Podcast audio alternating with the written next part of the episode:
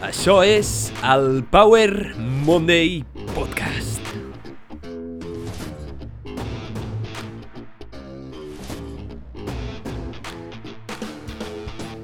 Benvinguts al Power Monday Podcast. Soc en Pau, el teu apassionat de salut, inspiració i ciència, i estic molt agraït de que estiguis escoltant aquest episodi.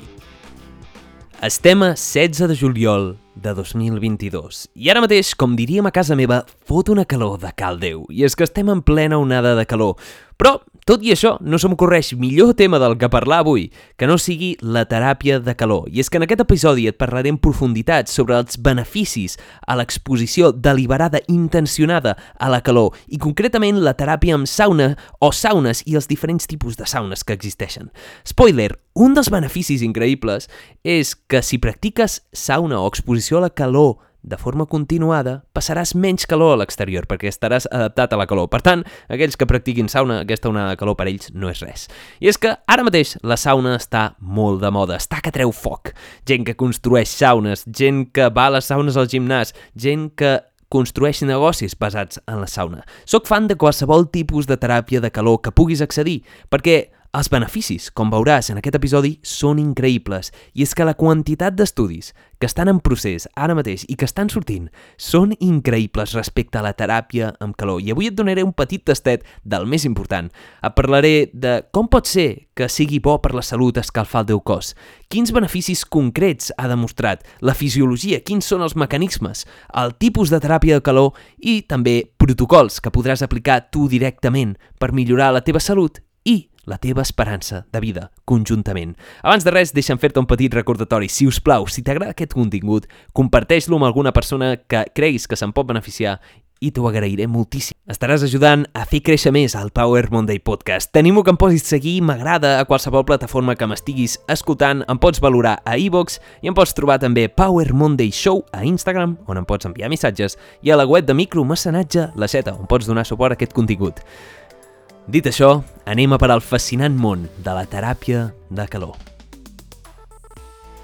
La teràpia amb calor o l'exposició intencionada a la calor, com banyar-se amb calor, o les saunes amb finalitats de purificació, neteja i curació, és una pràctica molt antiga, observada durant milers i milers d'anys a moltes cultures diferents. Avui en dia apareixen variacions del seu ús als banyes russes, a les casetes de suor dels indis americans o les saunes de Finlàndia. S'entén per sauna l'exposició passiva a curt termini a altes temperatures que normalment oscil·la entre 45 i 100 graus centígrads, tot i que les condicions d'humitat són tan o més importants. Potser estiguis pensant, coi, 45 graus és el que vam arribar aquest cap de setmana a Barcelona, no sé. Va, la pregunta és, com pot ser que bullir-nos com unes patates ens ajudi a viure més temps i viure aquest temps millor. I qui diu millor vol dir que viu lliure de malalties cròniques i amb millor rendiment físic i mental. Doncs anem a veure la fisiologia, com funciona això de l'escalfament del cos. Perquè podem parlar molt sobre els beneficis, però vull que primer entenguis el més important. Què passa quan escalfes el teu cos? Perquè entendre aquest procés és el que t'ajudarà a recordar els beneficis i a prendre millors decisions sobre la teva temperatura i, per tant, la teva salut. És la lliçó lliçó més important d'aquest episodi i espero que quedi molt clara. Anem-la a veure. Què passa quan escalfes el teu cos? Com regula el cos la temperatura corporal?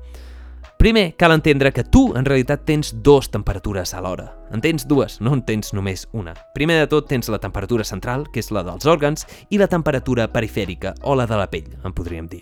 El cervell està constantment enviant senyals al sistema de calefacció i refrigeració al cos que es basen en les senyals que rep del medi ambient.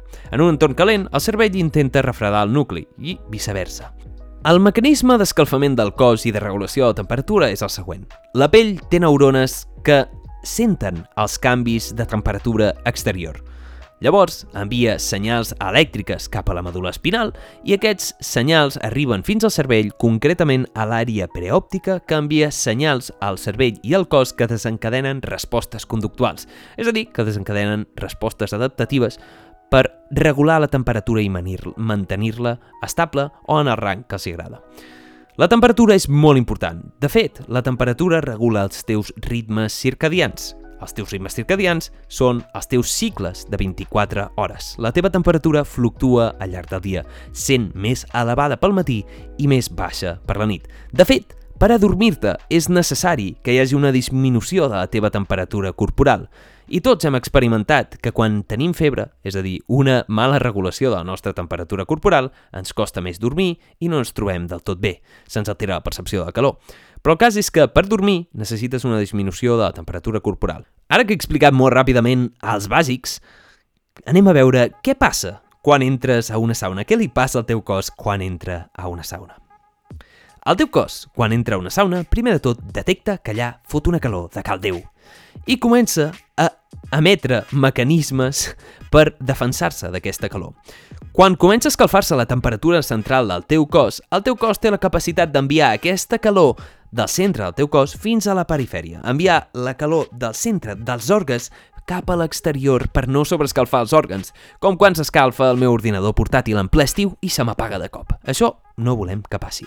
Com ho fa això al teu cos? Doncs bé, envia la sang cap a la perifèria. Això vol dir que augmenta el volum de sang que es destina cap als músculs i extremitats. I també comença a suar, comença a treure aigua que aquesta aigua, per evaporar-se, succionarà o traurà l'energia del cos. Bàsicament absorbirà l'energia calorífica per dissipar-se, per evaporar-se.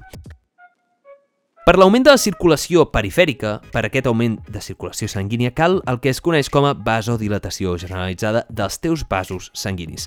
Cal, a més, que el teu cor bombegi molta sang i els ronyons també comencin a treballar. El teu sistema cardiovascular, doncs, es posa a treballar de valent quan entra a un lloc on la calor és molt elevada perquè no et sobrescalfis, perquè no t'atxitxarris per dins. I és que aproximadament entre el 50 i el 70% de la circulació del cos es redistribueix des del nucli fins a la pell i als músculs per facilitar la sudoració i la dissipació de la calor, provocant pèrdues de líquids d'una velocitat aproximada de 0,6 a 1 litre per hora. Això suposa, per tant, un gran esforç cardiovascular per al teu cos. I potser ja vegis l'equivalència, i és que es tracta, bàsicament, d'un tipus d'exercici físic. Aquest estrès estimula el teu cos a activar el seu sistema cardiovascular. De la mateixa manera que passa amb l'exercici físic, l'ús repetit de sauna o exposició repetida i continuada a la calor aclimata el teu cos, aclimata el teu cos a la calor i el teu cos optimitza la resposta a futures exposicions, probablement a causa d'un fenomen biològic conegut com a hormesis. L'hormesis és una resposta de defensa compensatòria després de l'exposició a un factor estressant lleu que és desproporcionat a la magnitud d'estrès. És a dir, el que no et mata et fa més fort o almenys et fa adaptar-te a la situació. L'hormesis desencadena una àmplia gamma de mecanismes de protecció que no només reparen el dany celular, sinó que també proporcionen protecció contra exposicions futures estressants més devastadores. En el Power Monday Podcast 70 t'explico com la hormesis és probablement la clau per aturar l'envelliment, que és activar aquestes vies d'adaptació contínuament que activen vies de reparació i vies de longevitat, que fan que visquem més i millor. Si vols més informació sobre per què envellim i com aturar l'envelliment, pots escoltar Power Monday Podcast 70. El teu cos és savi i aprèn la lliçó. Optimitza les vies que fan que resisteixin al pròxim cop, que resistir a la calor sigui més fàcil. Bàsicament, treballes els músculs cardiovasculars. I és que el teu sistema cardiovascular està ple de músculs. Músculs que no veiem. Músculs endotelials, que fan vasoconstricció i vasodilatació. I també tenim el cor i altres òrgans que intervenen en aquest procés de tuberies tan complexes que tens dins del teu cos. Curiosament, moltes de les respostes fisiològiques a l'ús de la sauna, que les descriuré més en detall més endavant, són molt, molt, molt semblants als que veiem durant l'exercici aeròbic d'intensitat moderada a vigorosa.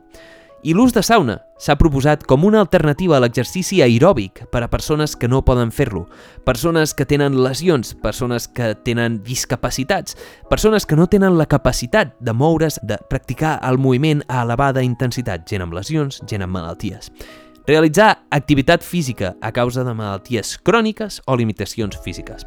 I és que la gent que no fa exercici almenys hauria d'exposar-se deliberadament, intencionadament, de manera regular a la calor. Però això és el que passa en el teu sistema cardiovascular. És el fet d'intentar dissipar la calor. Però què passa a nivell molecular? Què passa a nivell bioquímic? Perquè passen coses molt interessants. per evitar que les teves proteïnes es rosteixin quan rostim la carn, per exemple, has vist mai rostir un bistec? Que es tornen dures com una sola d'una sabata? Doncs bé, per evitar que això passi dins teu, tenim un sistema de defensa bioquímic que s'activa, les heat shock proteins, les proteïnes de xoc de calor. El més interessant és que l'activació d'aquestes proteïnes està relacionada amb la longevitat, i és que aquells, aquelles persones que tenen aquesta proteïna més expressada per una mutació genètica, curiosament, viuen més temps. Per tant, és molt interessant estimular la activació d'aquestes proteïnes que es relacionen amb la longevitat. I és que aquestes proteïnes, activar-les, ha demostrat que pot frenar les malalties neurodegeneratives, com el Parkinson i l'Alzheimer, la demència, així com l'atròfia muscular. És a dir, escalfar el teu cos et pot ajudar a prevenir perdre el múscul que ja tens encara que no entrenem. I és que en persones que tenen discapacitats físiques o s'han lesionat i van a la sauna, s'ha descobert que la pèrdua de múscul per falta d'estimulació és menor, un 37% menor. És molt interessant, doncs, per aquells que són sedentaris, per aquells que no poden practicar exercici, de nou, recordar-los que la sauna i l'exposició a la calor és molt més beneficiosa per ells. Altres coses que també canvien a nivell bioquímic dins del teu cos és, són les interleucines i a la 6 i a la 10, l'òxid nítric i el factor nuclear eritroide 2 o el 3. Però no entrarem en detall, i és que el cas és que la calor desencadena una resposta adaptativa hormètica que fa el teu cos per compensar aquesta calor i a llarg termini això implica conseqüències que fan que visquis més temps i visquis millor. Cal de recordar, però, que s'ha d'anar molt en compte amb la calor a partir de certa temperatura si el teu cos no està preparat, podem causar danys irreversibles. I és que les neurones són particularment sensibles a calors extrems. Si les cremes, no les recuperaràs. I això cal conèixer els teus límits, entendre que hi ha riscos a certes temperatures i en persones amb certes condicions mèdiques. Aprofito aquest moment per recordar-te, abans de veure els beneficis increïbles de la teràpia amb la calor, que aquest episodi no és cap tipus de consell mèdic i que hauries de consultar el teu metge abans de provar la hipertèrmia, és a dir, l'exposició al teu cos a augmentar la temperatura corporal a temperatures extremes. Les persones que tinguin alguna d'aquestes malalties haurien de pensar-s'ho dues vegades abans de provar les saunes. Les persones amb asma o altres afeccions de les vies respiratòries, malalties cardíaques no solucionades o no controlades, l'embaràs, l'epilèpsia, la pressió arterial molt molt alta, Uh, la pressió arterial molt baixa també, persones sota l'efecte de l'alcohol, aquest és molt important, aquelles persones que prenen drogues estimulants, tranquil·litzants o altres drogues que alterin la ment i la percepció. No és recomanable, sobretot perquè pot ser que et quedis adormit i et moris de calor. I de fet, les morts registrades en saunes que existeixen són bàsicament gent que anava amb un estat alterat de la consciència, ja havia pres alcohol o tranquil·litzants, s'adormen i es moren deshidratats.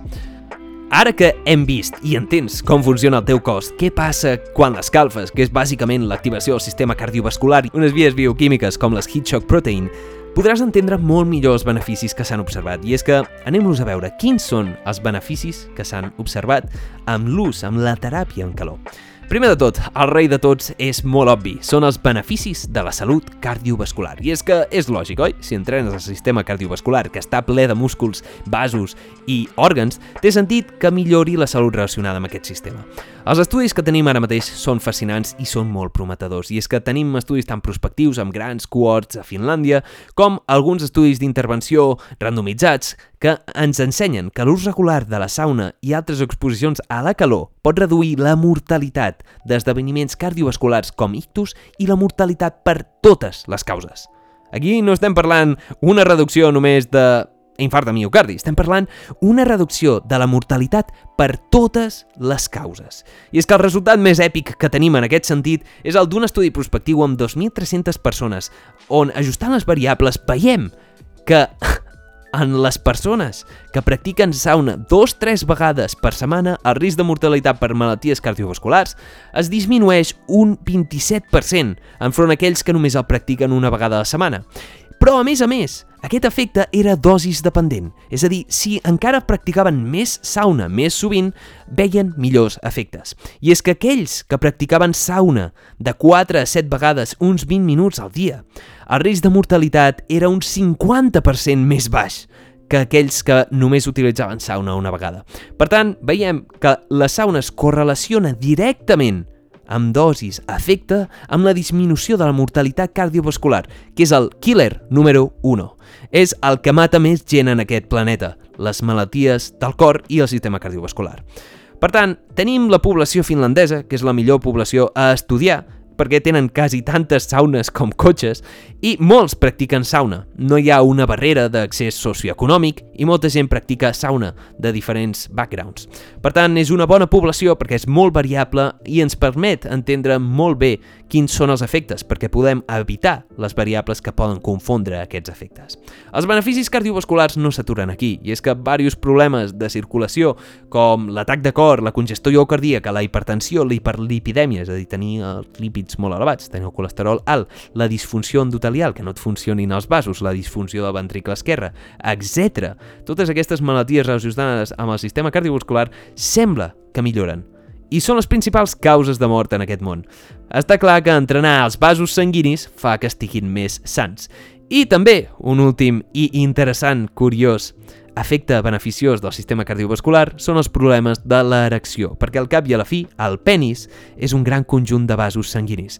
Així que ja saps, si ets un dels molts que tenen disfunció erèctil que s'està observant molt repetidament, pots provar la sauna. És una teràpia alternativa que potser, probablement, podria ajudar-te a millorar aquests problemes de disfunció erèctil. Llavors, anem a veure el segon gran benefici que té la teràpia de calor, la salut mental. I aquí entrem en un regne superinteressant on els estudis estan començant a sortir. Estudis amb teràpia de calor que ensenyen resultats molt prometedors. Primer de tot, s'ha observat que la teràpia de calor aconsegueix un augment de la neurogènesis. Què significa això? Un augment de la generació de neurones. Bàsicament, la teràpia de calor ha observat que estimula la formació de noves neurones. Això és molt interessant per millorar la teva memòria i per evitar la neurodegeneració i, sobretot, per recuperar malalties relacionades amb un dany neuronal. En segon lloc, tenim la prevenció de malalties neurodegeneratives com l'Alzheimer i el Parkinson. I és que la teràpia de calor, els resultats són increïbles Els resultats d'un estudi observacional va observar que de mitjana aquelles persones de Finlàndia que practiquen sauna de 4 a 7 vegades per la setmana tenen un risc reduït d'un 65% de desenvolupar la malaltia d'Alzheimer. Un 65% menys en comparació a aquells que només utilitzaven sauna una vegada. Per últim, a nivell de la salut mental, tenim els estudis que ensenyen millores en la depressió. I és que estudis nous d'intervenció, randomitzats, doble sec, és a dir, que fan dues intervencions, i les comparen, veuen com el tractament amb calor disminueix els símptomes de la depressió en comparació a teràpies convencionals o placebos. Es requereixen més estudis al respecte, però s'està veient com la teràpia de calor de diferents tipus pot ajudar-nos a millorar el nostre mood, el nostre estat d'ànim, pot ajudar-nos a sentir-nos millor. Es pot explicar per diferents vies neurològiques i per diferents vies que no entrarem ara en detall, com les vies de les endorfines i tot plegat, però el cas és que la teràpia de calor millora la teva salut mental, la teva salut neurològica. I a més a més, s'ha observat també que és capaç de millorar la teva memòria. Així que, si vols millorar la teva salut mental, ja saps, pots provar la sauna. I recordo que et diré els protocols clau per aconseguir aquests beneficis. Anem a veure el tercer benefici. El tercer benefici està relacionat amb els dos anteriors, i és la inflamació. La inflamació és un procés essencial en el teu cos que sense ella estaries ben fotut. Però quan és crònica i està sobreexpressada, llavors tenim un problema, tenim una malaltia crònica que ens puteja bastant. La sauna ha demostrat induir respostes antiinflamatòries en malalties cròniques com la fibromialgia, l'artritis reumatoide i altres malalties malalties d'inflamació crònica. És interessant també entendre que aquest inhibi aquesta inhibició de la inflamació no t'afecta en altres sentits, sinó que et causa beneficis. En quart lloc, tenim un benefici molt interessant, i és la detoxificació. Ara igual pensis, ara en Pau em parlarà de detox, com te detoxificas tu organismo. Doncs sí, una mica sí, i és que els resultats són molt interessants. La sudoració, és a dir, suar, és molt important perquè facilita una major excreció d'alguns metalls pesats, com l'alumini, el cadmi, el cobalt i el plom. I és que en comparació a l'eliminació per orina trobem 25 vegades concentracions superiors de cadmi, 4 vegades concentracions superiors d'alumini i 7 vegades superiors de cobalt o 17 de plom que quan comparem amb la suor. Per tant, la suor elimina molts més metalls pesats que no pas l'orina. Per molta gent que sua poc, això avui és molt important. I és que estem molt exposats eh, constantment a tòxics d'aquesta societat tecnològica en la que vivim ara mateix, que ens aporta molts beneficis, però també té tòxics incipients com el bisfenol A, el mercuri i elements pesats com els que et deia, l'alumini, el cadmi, el cobalt, el plom, que són tòxics i són lesius per la teva salut. Els metalls pesats trobats en tots els productes, com ara també molts peixos de cadena tròfica alta, com el salmó i la tonyina, també s'estan acumulant els nostres organismes i podrien explicar algun augment de malalties cròniques o de malalties com el càncer. És important, doncs, entendre que la detoxificació a través de la suor potser no solucionarà molts problemes, però sí que és una bona via per a aquelles persones que no suen a través de l'exercici per eliminar aquesta acumulació possible de metalls pesats i de tòxics incipients dins del nostre organisme. S'han trobat concentracions elevadíssimes en pacients que entraven a la sauna de metalls pesats, en concentracions moltes vegades superiors als recomanats i als que s'eliminen per orina. Per tant, com a mecanisme d'excreció, la suor és interessant i, com et deia abans, s'elimina un ràdio, un ritme de 0,6 a 1 litre per hora a dins de la sauna. Així que és important recordar hidratar-se, és important perquè si no acabaràs com una pansa dins de, dins de, la, de la sauna o dins del lloc on practiquis teràpia de calor i no volem que acabi així. Ara, per acabar, deixa'm dir-te el cinquè benefici que és un extra bonus, un bonus més ràpid de tots els beneficis que s'han observat. S'ha observat que la teràpia amb calor augmenta el rendiment físic a través de la termorregulació. Al augmentar la teva tolerància a la calor pot permetre augmentar el teu rendiment físic en esport d'alt rendiment, en esport de endurance, esport de, llarg, de llarga duració, perquè la regulació de la teva temperatura corporal és molt important per regular l'energia que desprens i l'energia que gastes a l'hora de practicar exercici i també la teva tolerància mental a l'estrès. Els altres beneficis que s'han observat en la teràpia amb calor és que augmenta la funció respiratòria, disminueix l'índex d'enfermetats respiratòries tipus infecciós, augmenta la funció immune, la millora, i augmenta la secreció de l'hormona del creixement. Per què és interessant l'hormona del creixement? Doncs bé, l'hormona del creixement no et farà créixer més, perquè probablement ja siguis un adult i ja has arribat al teu final de l'etapa de creixement. Però l'hormona del creixement, el problema que tenim és que disminueix amb l'edat i causa que envellim més ràpidament i ens tornem més fràgils. És interessant per recuperar teixits i per reparar-los. Llavors, hi ha molts beneficis que s'estan observant en diferents estudis en els que no entrarem en detall i estic segur que sortiran molts més estudis sobre malalties específiques i problemes en concret en els que veurem com la teràpia amb calor té un potencial increïble al desencadenar aquest efecte hormètic i adaptació del teu cos. Uns apunts importants. Et recordo, no et quedis adormit, perquè quedar-te adormit dins d'una sauna o la teràpia de calor és igual a quedar-te fregit. És molt important no consumir alcohol, perquè totes les morts que es relacionen pràcticament en l'ús de sauna es relacionen amb l'alcohol o el consum de drogues i la gent s'adorm i no s'adona de que està deshidratada. I aquest és el tercer punt. Has de recordar de no deshidratar-te, de consumir aigua regularment. La pots consumir abans, la pots consumir després, però el ritme a la que perds aigua quan fas teràpia de calor és molt important hidratar-te. I no només perds aigua, sinó també perds electrolits. No fa falta veure un Gatorade o una cosa per l'estil, però que una mica aigua amb sal o menjar després de sortir de la sauna és bastant recomanable, sobretot si són saunes intenses. Parlant de saunes intenses o teràpia de calor, quins tipus de teràpia de calor existeixen? He parlat molt dels tipus de teràpia dels diferents beneficis, però no he parlat dels tipus. Existeixen diferents tipus de sauna en funció de temperatura i humitat, i són les dues variables més importants. Les saunes oscil·len entre 45 i 110 graus centígrads. 110 graus és bastant, bastant de crazy. Les saunes es solen classificar entre saunes seques o humides. Les seques van del 10-20% d'humitat fins al 50% d'humitat les humides o més.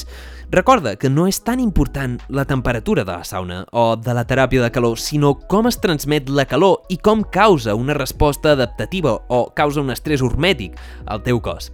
No és el mateix estar en una sauna quiet, on la calor només es transmet al cos per conducció, a una sauna on l'aire està en moviment on tu et mous, que la calor es transmet per conducció i convecció. De fet, si has estat alguna vegada a alguna sauna, saps que quan algú obre la porta pot ser molt dur o quan algú mou la tovallola també pot ser una mica incòmode.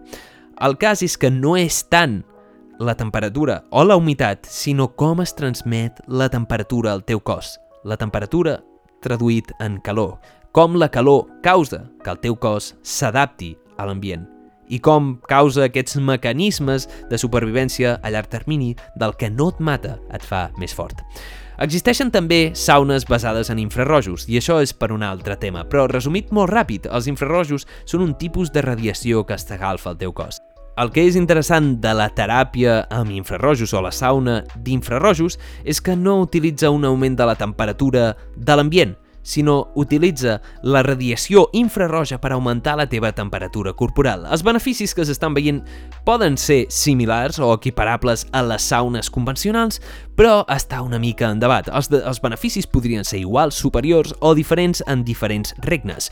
Però el cas és que és interessant i com et deia al principi de l'episodi, sóc fan de qualsevol tipus de teràpia de color a curt termini que et permeti, et permeti, et permeti estimular el teu sistema cardiovascular i aquestes heat shock proteins que faran que visquis més temps i a sobre que visquis millor, més lliure de malalties cròniques, de problemes relacionats amb l'envelliment, que és al cap i a la fi el que ningú vol viure.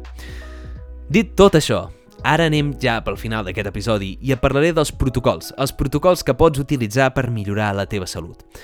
Hi ha molts protocols diferents que s'han estudiat al llarg del temps. Els protocols finlandesos involucren unes 3 sessions de 5-20 minuts amb temps de refredament entremig. El problema amb l'estudi de les saunes és que hi ha molts protocols diferents. Tothom estudia de manera diferent, 15 minuts, 10 minuts, 20 minuts, a diferents temperatures, a diferents humitats. Però quan agafem les dades en general, quan observem grans poblacions o quan fem diferents protocols, veiem que quasi tots són beneficiosos. Si vols quedar-te amb un protocol estàndard que abarcaria el màxim dels beneficis, és tan senzill com fer almenys 57 minuts a la setmana. Eh, els pots repartir com vulguis, però en general serien 3 o 4 sessions de 15 a 20 minuts a la setmana. Cal recordar que no cal forçar molt per veure els beneficis, no cal que et cremis, no cal que fregeixis el teu cervell. Només has d'arribar en el punt on el teu cos es sent una mica incòmode, on el teu cos requereix una adaptació. La sauna es pot practicar amb sessions de 5 a 20 minuts o més estona, fins i tot a una hora, però has de recordar estar hidratat, no consumir drogues i potser també recordar que pots treure un benefici extra de practicar la sauna si a sobre et relaxes, medites o fas alguns estiraments. Existeix també el hot yoga, que practiquen yoga i estiraments dins de la sauna i també està resultant molt interessant estudiar aquest tipus d'intervencions. Pots trobar ara mateix saunes en gimnasos i fins i tot ara mateix, a 16 de juliol, potser podria sortir al carrer, estirar-te a l'asfalt, de torres volta i volta, probablement activis les heat shock proteins i tota la cascada eh, beneficis del sistema cardiovascular, però el cas és que és difícil potser arribar als 80-70 graus típics que veiem en una sauna. Una sauna de 45 graus veurem beneficis, però probablement és dosis dependent, així que veurem més beneficis amb una temperatura una mica més elevada i sobretot practicant més dies durant la setmana per augmentar aquesta circulació perifèrica perifèrica i aquesta circulació als músculs que té tots els beneficis que té anomenat. Ara bé, s'ha observat que des d'una única sessió a la setmana ja podem veure beneficis considerables. Des d'una única sola sessió, a llarg termini veiem beneficis. Per exemple, una sessió cada setmana o cada 10 dies ha demostrat augmentar els nivells d'hormona de creixement de manera significativa en una població estudi. És interessant augmentar l'hormona del creixement, sobretot en persones que envelleixen, ja que la seva alliberació disminueix a mesura que envellim. No cal tornar-se molt boig, no cal fregir-se el cervell i, sobretot, no cal arribar a nivells innecessaris, a riscos innecessaris de temperatures elevades, causar una hipertèrmia i que tinguis problemes. En principi és molt segur, però si fem estupideses, si fem tonteries, les coses poden anar malament. El resum d'aquest episodi i el missatge principal amb el que espero que et quedis és el següent. La teràpia de calor, ja sigui sauna, banys d'aigua calenta, l'ús de teràpia infrarroja, ja sigui utilitzar un vestit d'aquests per augmentar la temperatura corporal, està associat a molts beneficis per la salut, des de la salut cardiovascular fins a la salut cognitiva, fins la forma física, el rendiment esportiu, el manteniment de la massa muscular i molt més. En general es considera una teràpia segura. L'ús de calor deliberat es considera segur per adults sants i per poblacions especials amb supervisió mèdica. Recorda que està contraindicat per algunes malalties, per nens i per embarassades.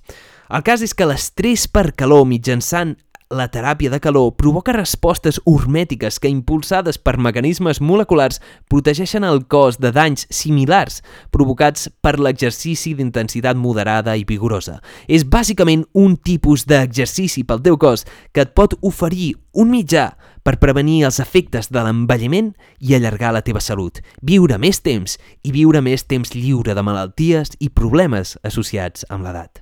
El protocol bàsic que recomano són 57 minuts setmanals separats com tu vulguis i pots augmentar la dosis. Recorda que no et facis mal, recorda hidratar-te, no consumir drogues en l'ús de saunes i veuràs beneficis increïbles a llarg termini. Et recordo que a la descripció d'aquest episodi podràs trobar tots els estudis i enllaços a entrevistes que he utilitzat per elaborar aquest episodi.